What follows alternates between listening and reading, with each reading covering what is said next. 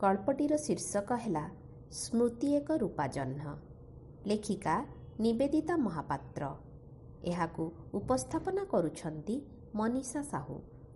ମାରେ ଆଜି ଭୁବନେଶ୍ୱର ଯିବା ତୁ ଶୀଘ୍ର ବାହାର। ଆମେ ତୋତେ ତଳେ ଅପେକ୍ଷା କରିଛୁ କହି ସୁଲୋଚନା ଦେବୀ ବାହାରିଗଲେ। ସ୍ମିତା ସେମିତି ବସି ରହିଥିଲେ ଖଟ ଉପରେ। ତାଙ୍କର ମନେ ଅଛି ଆଜି ଅଭିଙ୍କୁ ରାଜ୍ୟପାଳ ସମ୍ମାନିତ କରିବେ। ହେଲେ ଅଭିଙ୍କ ପୁରସ୍କାର ଗ୍ରହଣ କରିବ ସ୍ମିତା। କିନ୍ତୁ ଅଭି ଏବେ ବି ତାଙ୍କ କଥା ସବୁ ସ୍ମୃତି ହୋଇ ତା ହୃଦୟରେ ସାଇତା ହୋଇଅଛି। ସେଦିନର ଘଟଣା। ଭାଉଜ ଭାଉଜ ଜଲ୍ଦି ଆସ। ଅଭିଭାଇର ଫୋନ୍ ଆସିଛି। ରିନିର ଡାକରେ ସବୁ କାମ ଛାଡ଼ି ସ୍ମିତା ଦୌଡ଼ିଲେ ଉପର ଘରକୁ। କେ କେଉଁ ଦିନରୁ ସେ ଅପେକ୍ଷା କରିଥିଲେ ଏଇ ମୁହୂର୍ତ୍ତକୁ। ରିନିଙ୍କ ହାତରୁ ଫୋନ୍ ନେଇ କହିଲେ ହ୍ୟାଲୋ ବାସ୍ ଆଖିରେ ଜକେଇ ଆସିଲା କେଇ ଟଙ୍କା ପା ଲୁହ। ସେପଟୁ ଶୁଣିଭିଲା ଅଭିଙ୍କ କଣ୍ଠସ୍ୱର କେମିତି ଅଛ ସ୍ମିତା ଖୁବ୍ ଛୋଟ ଉତ୍ତର ଦେଇଥିଲା ସେ ଭଲ ଅଛି ଆଉ ତମେ ହଁ ଭଲ। ତମକୁ ଜଣେଇବାକୁ ଫୋନ୍ କରିଥିଲି ଯେ ମୋର ଛୁଟି ମଞ୍ଜୁର ହୋଇଯାଇଛି। ମୁଁ ଆଉ ଚାରିଦିନ ପରେ ଗାଁକୁ ଆସୁଛି। ସ୍ମିତା କିଛି କହିପାରିଲେନି। ସତେ ଯେମିତି ସ୍ୱର୍ଗର ପାରିଜାତ ଆଜି ହାତ ପାହାନ୍ତରେ ମିଳିଯାଇଛି। କେବେଠାରୁ ସେ ଅପେକ୍ଷା କରି ରହିଥିଲା ସତେ ଏଇ କଥା ପଦେ ଶୁଣିବାକୁ। କ'ଣ ହେଲା? କିଛି କହୁନ ଯେ। କ'ଣ ରାଗିଛ? ଅଭିଙ୍କ ଏଇ କଥାରେ ପ୍ରକୃତିସ୍ଥ ହେଲା ସ୍ମିତା। ଆରେ ନା ନା ରାଗିନି। ହଉ ତମେ ଆସ ଅଭି ଟିକେ ହସି କହିଲେ ହଉ ରଖୁଛି ରିନିଙ୍କୁ ଫୋନ୍ ଦେଇ ଫେରିଆସିଲା ସ୍ମିତା। ନିଜ ରୁମ୍କୁ। କବାଟ ବନ୍ଦ କରି ଆଲମାରି ଖୋଲି ବାହାର କଲା ଆଲବମ୍। ଯେଉଁଥିରେ ସେ ସାଇତି ରଖିଥିଲା ତା ଅତୀତର ସୁନ୍ଦର ସ୍ମୃତି ସବୁକୁ। ଆଲବମ୍ର ପୃଷ୍ଠା ଓଲଟେଇ ଦେଖିଲା ବେଳକୁ ତାର ସୁନ୍ଦର ନୀଳ ଆଖିରେ ଭରିଯାଉଥିଲା ମୁକ୍ତା ପରି ଲୁହଟପା। ଝାପ୍ସା ଦେଖାଯାଉଥିଲା ମୁହଁ ସବୁ। ହେଲେ ଜୀବନ୍ତ ହୋଇଯାଉଥିଲା ସ୍ମୃତି। ଅଭିଙ୍କ ସହ ତାର ପ୍ରଥମ ସାକ୍ଷାତ ହୋଇଥିଲା କଲେଜ ଫଙ୍କସନରେ। ସେତେବେଳେ ଅଭି ଥିଲେ ଯୁକ୍ତ ତିନି ଶେଷ ବର୍ଷର ଛାତ୍ର। ସ୍ମିତା ଯୁକ୍ତ ତିନି ପ୍ରଥମ ବର୍ଷରେ। କଲେଜର ସବୁଠାରୁ ଭଲ ଛାତ୍ର ଥିଲେ ସେ। ଆଉ ସେଥିପାଇଁ ସେଦିନ ତାଙ୍କୁ ମିଳିଥିଲା ଷ୍ଟୁଡେଣ୍ଟ ଅଫ୍ ଦ ଇୟର ସମ୍ମାନ। ଅଭି କିନ୍ତୁ ଆଗରୁ ଜାଣିଥିଲେ ସ୍ମିତାଙ୍କୁ।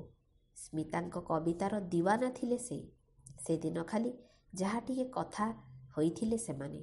ତାପରେ ସେମାନଙ୍କର ଦେଖା ହୋଇନଥିଲା। ସମସ୍ତେ ବ୍ୟସ୍ତ ହୋଇଯାଇଥିଲେ ନିଜ ନିଜ କାମରେ। ସ୍ମିତା ତା ପାଠପଢ଼ାରେ ଆଉ ଅଭି ଚାକିରି ଖୋଜିବାରେ। ତାର ଠିକ୍ ଚାରି ବର୍ଷ ପରେ ହଠାତ୍ ଦିନେ ଅଭି ତା ବାପା ମାଆଙ୍କ ସହ ଆସି ପହଞ୍ଚିଥିଲେ ସ୍ମିତାଙ୍କ ଘରେ। ବାହାଘର ପ୍ରସ୍ତାବ ନେଇ। ସେତେବେଳକୁ ଅଭି ପାଲଟି ଯାଇଥିଲେ ଲେଫ୍ଟନାଣ୍ଟ ଜେନେରାଲ ଅଭିମନ୍ୟୁ ଦାସ। ଶ୍ରୀନଗରରେ ତାଙ୍କର ପୋଷ୍ଟିଂ ହୋଇସାରିଥିଲା। ଏଇ କଥା ଶୁଣି ସମସ୍ତେ ବହୁତ ଖୁସି ହୋଇଥିଲେ। ହେଲେ ନିଜକୁ ନିଜେ ବିଶ୍ୱାସ କରିପାରୁନଥିଲେ ସ୍ମିତା। ତଥାପି ସବୁ କଳ୍ପନା ଜଳ୍ପନାର ଅନ୍ତ ଘଟାଇ ଶେଷରେ ସ୍ମିତା ଆଉ ଅଭିଙ୍କର ବାହାଘର ହୋଇଥିଲା। ବାହାଘରର ଦୁଇ ତିନି ମାସ ଅଭି ଆଉ ସ୍ମିତା ହସ ଖୁସିରେ ସମୟ ବିତାଇଥିଲେ। ତାପରେ ଗୋଟିଏ ମେଲ୍ ପାଇ ସେ ବାହାରିଗଲେ ନିଜ କର୍ମକ୍ଷେତ୍ରକୁ। ତା ପରବର ତା ପରର ଦୁଇ ବର୍ଷ ଅଭିଙ୍କ ବିନା କେମିତି କଷ୍ଟରେ କଟିଲାଣି ସେ କଥା କେବଳ ସ୍ମିତାକୁ ହିଁ ଜଣା। ଅତୀତର ସ୍ମୃତିକୁ ରୋମନ୍ଥନ କରୁ କରୁ ସମୟ କେତେ ହେଲାଣି ଜଣା ନାହିଁ। କବାଟରେ କାହାର ମୃଦୁ ଆଘାତରେ ସ୍ପର୍ଶରେ ଭାବନା ରାଜ୍ୟରୁ ଫେରିଆସିଲେ ଆଖିର ଲୁହକୁ ନିଜ ଲୁଗା କାନରେ ପୋଛି ସେ କବାଟ ଖୋଲିଲା। ସାମ୍ନାରେ ଠିଆ ହୋଇଥିଲେ ଶାଶୁ ସୁଲୋଚନା ଦେବୀ। ତଳକୁ ଆସ ଖାଇବୁ। ଭୋକ ନାହିଁ କହି ସେ ଚୁପ୍ ରହିଲା। ହେଲେ ଶାଶୁଙ୍କ ଜିଦ୍ ଆଗରେ ହାର ମାନି ବାଧ୍ୟ ହୋଇ ତଳକୁ ଗଲା। ଅଭି ଗଲା ଦିନରୁ ରିନି ଓ ସୁଲୋଚନା ଦେବୀ ନଣନ୍ଦ ଓ ଶାଶୁ ନୁହନ୍ତି। ସ୍ମିତା ପାଇଁ ପାଲଟି ଯାଇଥିଲେ ସାଙ୍ଗ। ସବୁ କଥାରେ ସ୍ମିତାଙ୍କ ସହ ସେମାନେ ଥାଆନ୍ତି। ଆଜି ଅଭି ଆସିବାର ଖବର ବି ସେ ଶାଶୁମାଙ୍କୁ ଜଣେଇଲା। ସମସ୍ତେ ଆଜି ପୁରା ଖୁସି। ସନ୍ଧ୍ୟାରେ ସମସ୍ତେ ମିଶି ନ୍ୟୁଜ୍ ଦେଖୁଥାନ୍ତି। ଅଚାନକ ଗୋଟିଏ ଦୁଃଖଦ ଖବରରେ ସମସ୍ତଙ୍କର ହୃଦସ୍ପନ୍ଦନ ବଢ଼ିଯାଇଥିଲା। ଶ୍ରୀନଗରରେ ଆତଙ୍କବାଦୀ ଓ ସେନା ମଧ୍ୟରେ ଗୁଳି ବିନିମୟ। କିଛି ସମୟ ପାଇଁ ନିରବି ଗଲା ପୂରା ଦାସ ପରିବାରର ହସ ଖୁସିର ମାହୋଲ। ସମସ୍ତଙ୍କ ମନରେ ଗୋଟିଏ ପ୍ରଶ୍ନ ଅଭି ନା ନା ସେମିତି କିଛି ହୋଇନଥାଉ ସ୍ମିତାର ପାଦ ତଳୁ ମାଟି ଖସିଗଲା ପରି ଲାଗିଲା। ସାଙ୍ଗେ ସାଙ୍ଗେ ସେ ଦୌଡ଼ିଗଲା ଠାକୁର ଘରକୁ। ଚାହିଁଲା ସେଇ କଳାଶ୍ରୀ ମୁଖର ସେଇ ଦୁଇ ଗୋଟି ଆଖିକୁ। ଓଠ ଖୋଲି କେବେ କିଛି ମାଗିନି ସେ ତାଙ୍କୁ। କାରଣ ସେ ଜାଣିଛି କଳା ଠାକୁର ପରା ତା ମନର କଥା ବୁଝନ୍ତି। ସେଥିପାଇଁ ସେ ଦୁଇ ବର୍ଷ ହେଲାଣି ସବୁଦିନ ଏଠି ଅଭିଙ୍କ ଶୁଭବନ ଆସି କେତେ ଦୀପ ଜାଳିଛି କେତେ ଓଷାବ୍ରତ କରିଛି।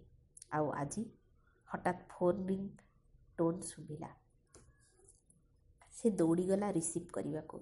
ସେତେବେଳକୁ ରିନି ଫୋନ୍ ଉଠେଇ ସାରିଥିଲା। ହେଲେ କିଛି କହୁନଥିଲା ସେ। ନିର୍ବିକାର ଆଉ ସ୍ଥାଣୁ ପାଲଟି ଯାଇଥିଲା। ଆଉ ଆଖିରୁ ଝରି ପଡ଼ୁଥିଲା ଲୁହାର ଧାର।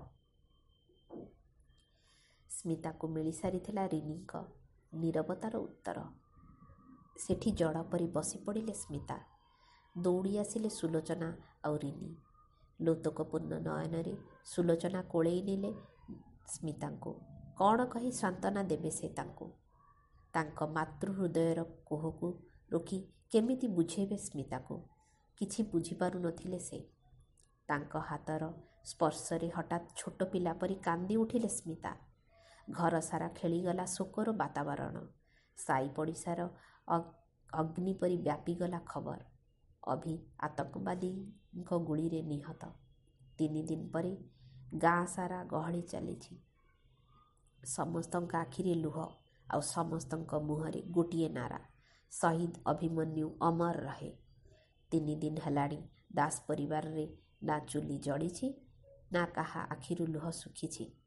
ଆଉ ଆଜି ମିଲିଟାରୀ ଗାଡ଼ି ଆସି ଅଟକିଗଲା ଘରର ଦୁଆର ମୁହଁରେ। ସସନମାନେ ଅଣାଗଲା ଅଭିଙ୍କ ଶବକୁ। ସଭିଙ୍କ ଆଖିରେ ଲୁହ ଆଉ ଛାତିରେ କୋହ। ସ୍ମିତା ପୁରା ସ୍ଥାଣୁ ପାଲଟି ଯାଇଥାନ୍ତି। ପାଖରେ ଥାନ୍ତି ସୁଲୋଚନା ଦେବୀ ଆଉ ରିନି।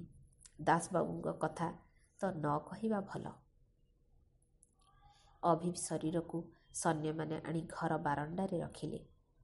ଘୋଡ଼ା ହୋଇଥିବା ଧଳା ଚାଦରକୁ ଆସ୍ତେ କରି କାଢ଼ିଲେ ତାଙ୍କର ଜଣେ ସାଙ୍ଗ। ଖୁବ୍ ଜୋରରେ କାନ୍ଦି ଉଠିଲେ ସ୍ମିତା ସୁଲୋଚନା ଦେବୀ ଆଉ ରିନି। କେମିତି ସହିପାରିଥାନ୍ତେ ସେମାନେ? ଜଣେ ମା ଆଜି ଦଶ ମାସ ଗର୍ଭରେ ଧରି ନିଜେ ମୃତ୍ୟୁର ଦ୍ୱାରରେ ଠିଆ ହୋଇ ନୂଆ ଜୀବନକୁ ସାଉଁଟି ଆଣିଥିଲେ। ଜଣେ ଭଉଣୀ ଯେ ସୁରକ୍ଷାର ଭାର ଭାଇ ହାତରେ ଦେଇ ସବୁ ରାକ୍ଷୀ ପୂର୍ଣ୍ଣିମାରେ ବାନ୍ଧି ଦେଉଥିଲା ରେଶମୀ ସୂତାର ଡୋରଟିଏ। ଜଣେ ସ୍ତ୍ରୀ ଯାହାକୁ ସେ ଅଗ୍ନିସାକ୍ଷୀ କରି ସାତ ଜନ୍ମ ପାଇଁ ସାଥୀ ହୋଇ ଚାଲିବାର ପ୍ରତିଶ୍ରୁତି ଦେଇ ଆଣିଥିଲେ ନିଜ ଘରକୁ। ଆଉ ବାପା? ତାଙ୍କ କଥା ନ କହିବା ଭଲ। ଯେଉଁ ବାପା ଦିନେ ସ୍ୱପ୍ନ ଦେଖିଥିଲେ ନିଜ ପୁଅ କାନ୍ଧରେ ଶ୍ମଶାନକୁ ଯିବେ ବୋଲି। ଆଜି ସେଇ ବାପା କାନ୍ଧରେ ଯାତ୍ରା କଲା ପୁଅ।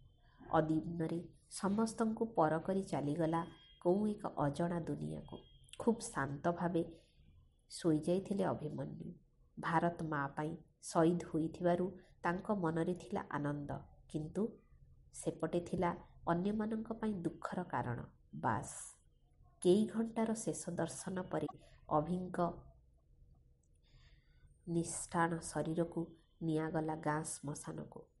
ରାଷ୍ଟ୍ରୀୟ ମର୍ଯ୍ୟାଦା ପରେ ଅଗ୍ନି ସଂଯୋଗ କରାଗଲା ତାଙ୍କ ପାର୍ଥିବ ଶରୀରରେ। କିଛି ସମୟର ପ୍ରତୀକ୍ଷା ଆଉ ଶେଷରେ ପଞ୍ଚଭୂତରେ ବିଲୀନ ହୋଇଗଲା ଅଭିମନ୍ୟୁ। ଏହିସବୁ ଚଳଚ୍ଚିତ୍ର ପରି ଭାସି ଉଠୁଥିଲା ସ୍ମିତାଙ୍କ ସମ୍ମୁଖରେ। ଆଖିରୁ ବୋହି ଚାଲିଲା ଅମାନିଆ ଲୁହର ଧାର ଆଉ ଓଦା କରି ଚାଲିଥିଲା ପଣତକାନିକୁ ଆଜି ବି ଜୀବନ୍ତ ହୋଇ ରହିଛି ଏହି ସ୍ମୃତି ସବୁ ତାଙ୍କ ହୃଦକନ୍ଦରରେ। ଆଜି ବି ଅଭିଙ୍କ ଫଟୋ ଦେଖିଲେ ଲାଗେ ସେ ଯେମିତି କହୁଛନ୍ତି କାନ୍ଦୁଛ କାହିଁକି? କଥା ଦେଇଥିଲି ଫେରିବାକୁ ଫେରିଲି। ହୋଇପାରେ ଜୀବନ୍ତ ନୁହଁ। ତଥାପି ଫେରିଛି ନା ତୁମ ପାଖକୁ? ତୁମ ସ୍ମୃତି ହୋଇ? ଭାଉଜ ଆସ ଯିବା। ରିନି ଡାକରେ ଚେତନା ଫେରି ପାଇ ସ୍ମିତା ଫେରିଆସିଲା ତା ଭାବନାରୁ। ବାଧ୍ୟ ଶିଶୁଟି ପରି ରିନି ପଛେ ପଛେ ତଳକୁ ଆସି ଗାଡ଼ିରେ ବସିଲା ସେ।